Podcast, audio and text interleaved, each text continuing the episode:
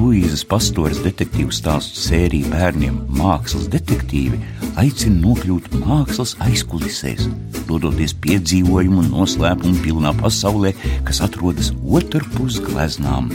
Vai mākslas darbi varētu dzīvoties?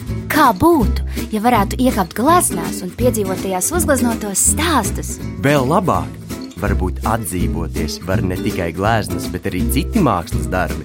Iespējams, ceļot laikā var arī paši mākslas darbu autori. Mākslas pasaulē viss ir iespējams. Teo, ko tu ar to domā? Var atdzīvoties arī citi mākslas darbi. Ko Teo ar to domāja, jūs tūdaļ uzzināsiet. Jums būs iespēja iepazīties ar bronzas cilvēku un piedzīvot neskaitāmas performances pašā Rīgas centrā, tajā laikā, kad Rīga bija pavisam citāda un tajā valdīja cita kārtība. Un tā sākam operāciju Maska. Pagaidiet, pagaidiet, pagaidiet. Vispirms man jāizstāsta, kas atgadījās iepriekšējā sērijā. Noskaitījuši slepenos vārdus, Teo, Poga un Komats attapās kaut kur pilsētā milzu pūļu ielenkumā. No visa apkārt notiekošā viņi saprata, ka nokļuvuši mammas un tēta bērnībā, ka atrodas nevis uz brīvības, bet Ļeņina ielas, ka baznīcā atrodas planetārijas ar kafejnīcu dieva auss. Kafejnīcā bronzas cilvēku, par ko bija pārtaps Teo, noturēja par mākslinieku Miervaldi Poli, kurš atkal taisa performances – bet tad pogai radās viltīgs plāns, kā pievērst uzmanību arī sev.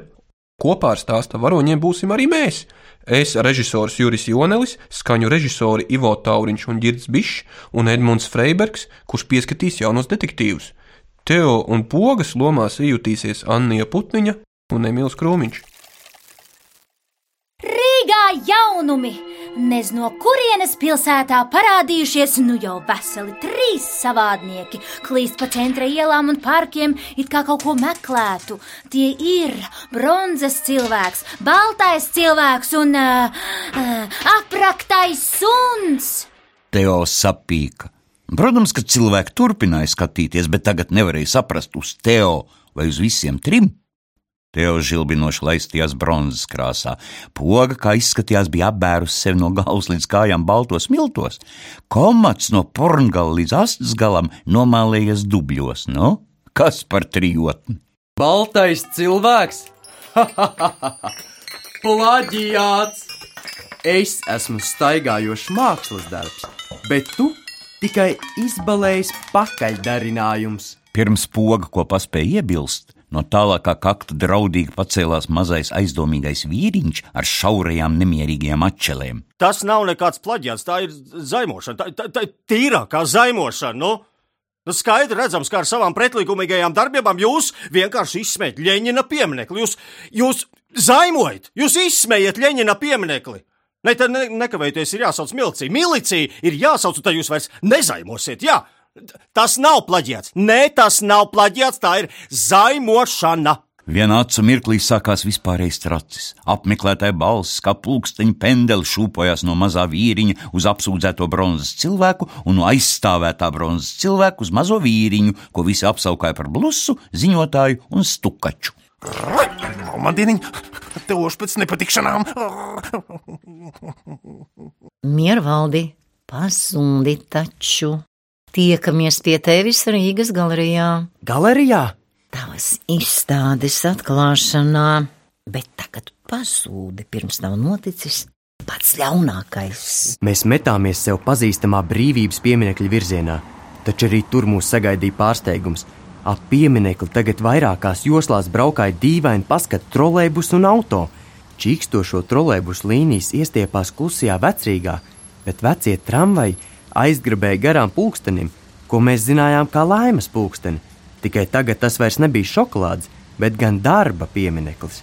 Oranžo pulksteni rotāja uzraksti četrās pasaules valodās - darbs, trud, work, arbeit. Interesants veids, kā mācīties valodas. Iepratim pulkstenim, stekus uzvilkti žonglēdam un šņācošās rācijās brēgdam, trinās nervozi miliči. Ko darām? Miliči patrulēja arī vecrīgas ieliņās. Ap Teo un pogu sāk pulcēties ieinteresētie garām gājēji, kur katru brīdi abas aizturēs. Teo saspringti domāja: Detektīva pavadiens! biedra tabaka minēja kaut kādu Rīgas galeriju. Tur mēs būšot drošībā līdz izstādes atklāšanai. Lieliski! Komat, meklē! Saņēmis uzdevumu, takšelis saspringa, piespied melno degunteli asfaltam un sāka ošņāties, nošķaudījās un nožēlā izplūda kā gumijas krokodila lupatiņi. Neko nevaru saprast. Ā, Vau, to mašīnu skaļie purši briesmīgi smirt. Poga izmisumā noplātīja rokas, bet Teo sastinga. Caur koku lapām no kāda skatloga ielas pretējā pusē lūrēja bronzas cilvēks. Tikai šoreiz nomazgājis bronzas krāsu, nu, gluži parasts cilvēks, ja vien viņa seja nebūtu izspļauta bronzas maskas kopija. Liela, gaiša māja, virs stiklotā skatloga uzraksts Rīgas galerija, uz durvīm plakāts Miervalža poļa memoriālā istaba. Pēc skatlogā sastīns cilvēks, bronzas cilvēka precīzi kopija.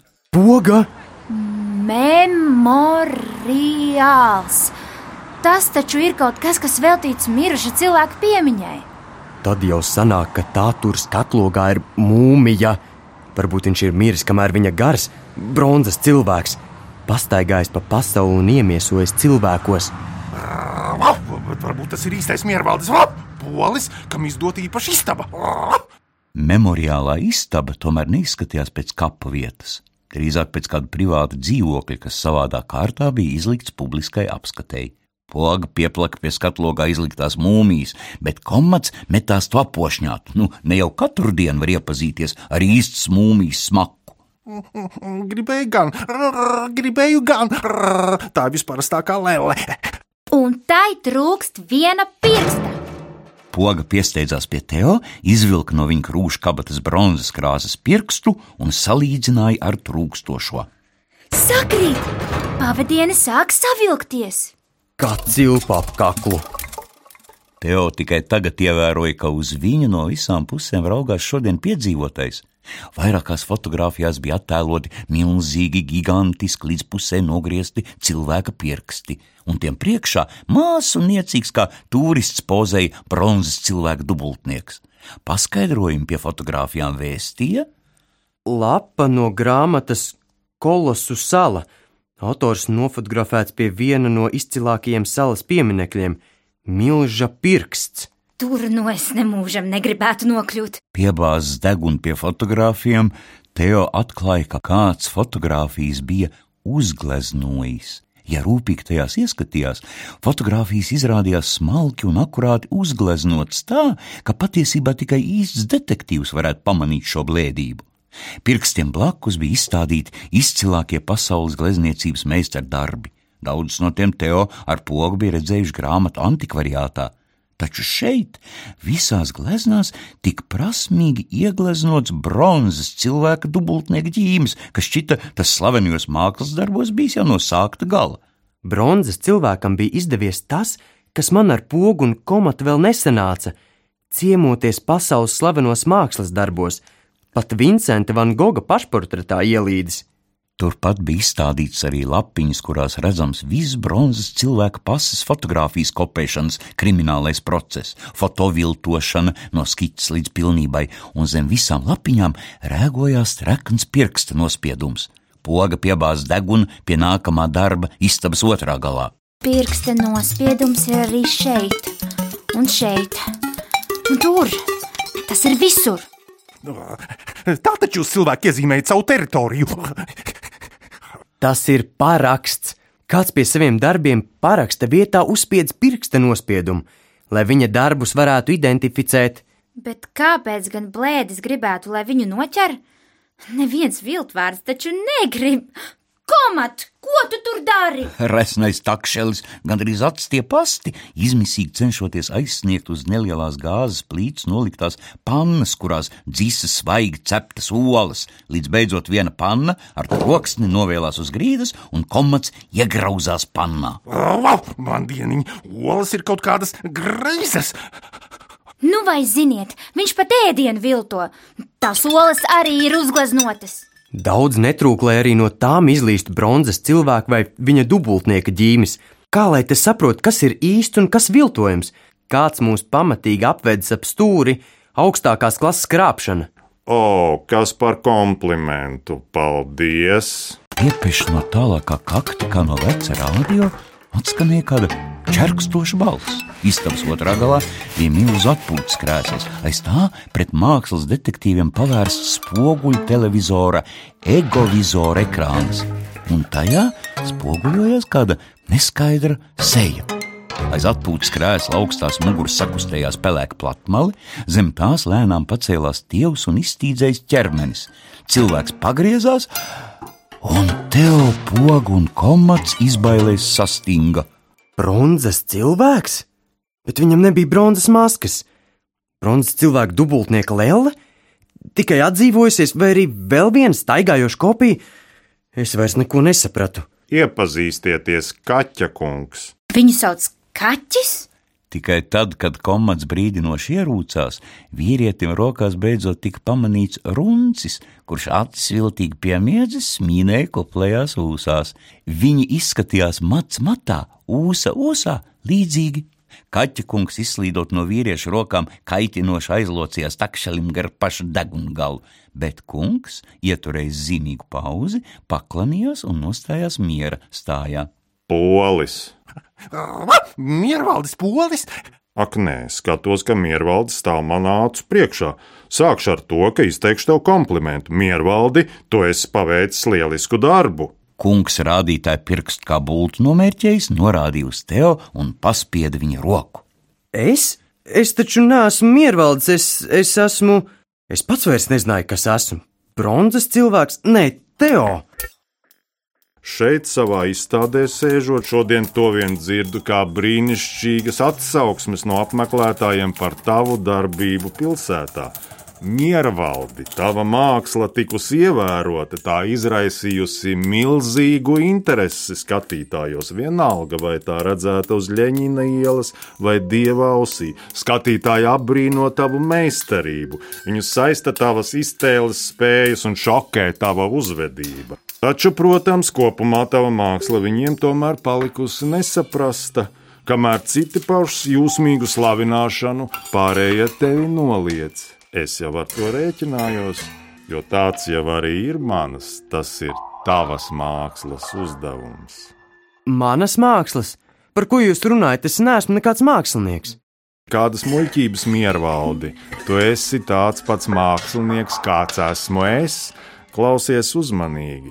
Kad es esmu radījis kādu jaunu mākslas darbu, piemēram, bronzas cilvēku vai tā masku, tas atdzīvojas un sāk dzīvot pats savu dzīvi skatītāju prātos, un man gar to vairs nav nekādas darīšanas.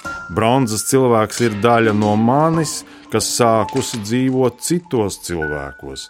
Ik viens skatītājs, vērojot manu mākslu, acu mirklī kļūst par mani, par miervaldi poli, tāpat arī tu par manu bronzas cilvēku. Es patiešām vairs nezināju, vai esmu es pats vai tomēr kāds cits. Tā tad jūs esat bronzas cilvēka izgudrotājs? Nu, tāds kā tētis? Līdzīgi kā koka cilvēciņa Pinokio tētis. Mākslinieks!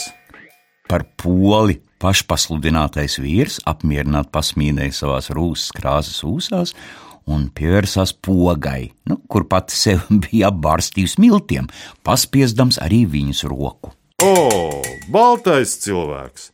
Prieks, ka vēl dzīvs! Esmu reiz jau ar jums ticies! Lielisks cilvēks! Dzīves piemērs, ka māksla dzīvo pati savu dzīvi. Ah, cik es jūtos gandarīts! Polis izrieza krūtis, nu, gluži tāpat kā Teo, vēl pirms mirkļa dīžājās uz ielas un kafejnīcā. Viņš bija staigājošs Teo, vai arī Teo bija uzvedies kā staigājošs viņš. Tad jau senāk, ja es esmu vērojusi jūsu mākslu, tad arī es tagad esmu miervaldis. Mani sauc Miervaldis Poga. Miervalži, vai tad jūs negribat kaut ko pajautāt polim, savam radītājam? Tas ir gandrīz tāpat kā sarunāties ar Dievu, ja pieņem, ka viņš radīja pasauli. Tā būtu miervalža intervija ar poli. Cik lieliski intervēt pašam sevi. Tas nu gan izklausās egocentriski. Bronzas cilvēks arī ir ļoti egocentrisks. Ak, tā! Man ar to nav nekāda sakara. Katrs manā mākslā ierauga kaut ko savu, kas tajā brīdī viņam svarīgāks. Kā uz burbuļu mājiņa atvērās durvis, galerijā no ielas iebira prāvs skaļu līksmotāju bariņš, un visu telpu atsmirklī piepildīja kārdinoša kafijas, ēdienu un tabaks dūmu smarža. Ar ziediem un pudelēm rokās viesmetās polim ap kaklu, bučoja zvaiga, spieda roku, vīstīja vaļā avīžu lapās ietīts sīks rupmaizes šķēlīts ar ķilavām un olu, skrūvēja vaļā termosus ar kafiju un kūpināja papirosus.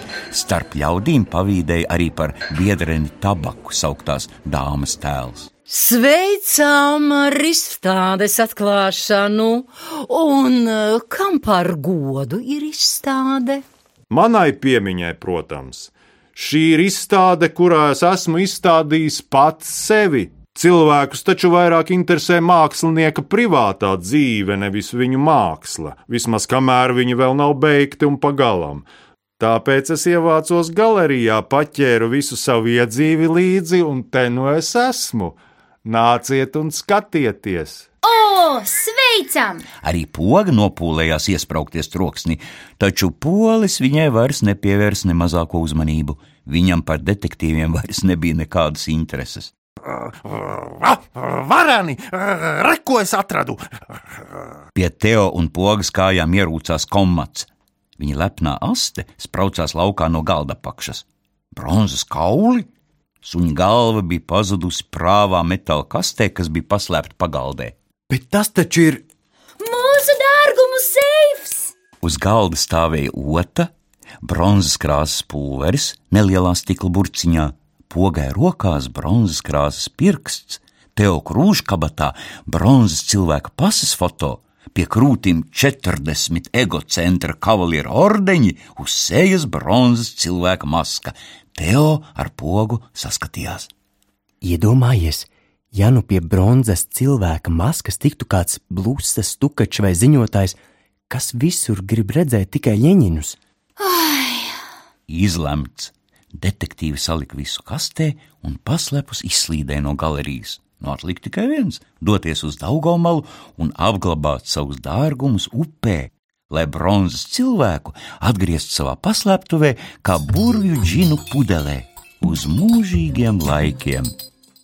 Ja vien pēc daudziem gadiem, kad padomju laiki jau sen būs beigušies, kādā karstā, karstā vasaras dienā atjautīgu detektīvu trijotne to zināmā vietā un zināmā laikā atkal neizraks un neizlaidīs laukā, un viss sāksies no gala.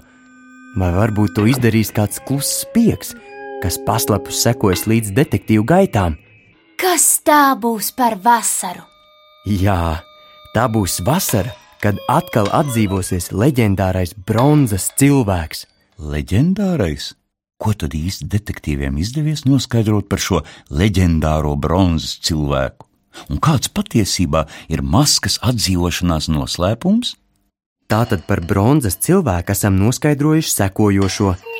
Pasludinot sevis iepazīšanu nevien par egocentra, bet visas radošās darbības galveno uzdevumu, Miervaldis Pūls izgatavoja vaska figūru, precīzu mākslinieka līdzinieku pilnā augumā. Figūra attēloja viņa otro es, jeb alter ego, mākslinieka iekšējo sarunu biedru, kas viņam palīdzēja sevi iepazīt. Daļa šo sarunu tika publicēts presē ar nosaukumu Miervaldis intervē poli. Ai, Diemžēl, laika ejot, no trauslās figūras pāri palika tikai galva, ko mākslinieks nokrāsoja bronzas krāsā. Neparastais bronzas cilvēks veica vairākas mākslas performances kopā, piemēram, ar draugu pie laimes pulksteņa, tirgojot saulespuķu sēkliņas. Un Helsingos īpašā valsts vīru apspriedē tikās ar balto cilvēku, viscaur balti nokrāsotu somu mākslinieku Roju Vāru. Savukārt ieinteresētu ļaužu pūļu priekšā uzrāpās uz sena postamenta, tēlodams pieminekli, līdzīgu tam, kas bija uzstādīts padomju valsts vadonim Ļeņinam. Jaunībā Miervalda poli vilināja pasaules iepazīšanu un eksotisku ceļojumu. No padomju valsts tolaik izbraukt bija liekts, tādēļ mākslinieks ceļoja iztēlē savus klejojumus reālās un nereālās vietās attēlojot mākslas darbos. Tā viņš izgudroja gigantiskiem pirkstiem nosēto kolosu salu un iegleznoja sevi pasaulē slavenos mākslas darbos. Mākslinieks nodibināja egocentru, īpašu organizāciju ar uzdevumu iepazīt pašam sevi, un ir tā vienīgais biedrs. Reiz pols sarīkoja izstādi, kurā mākslas darbu vietā bija izstādījis pats sevi. Un gleznas miervaldis polis mēdza parakstīt ar pirkstu nospiedumu.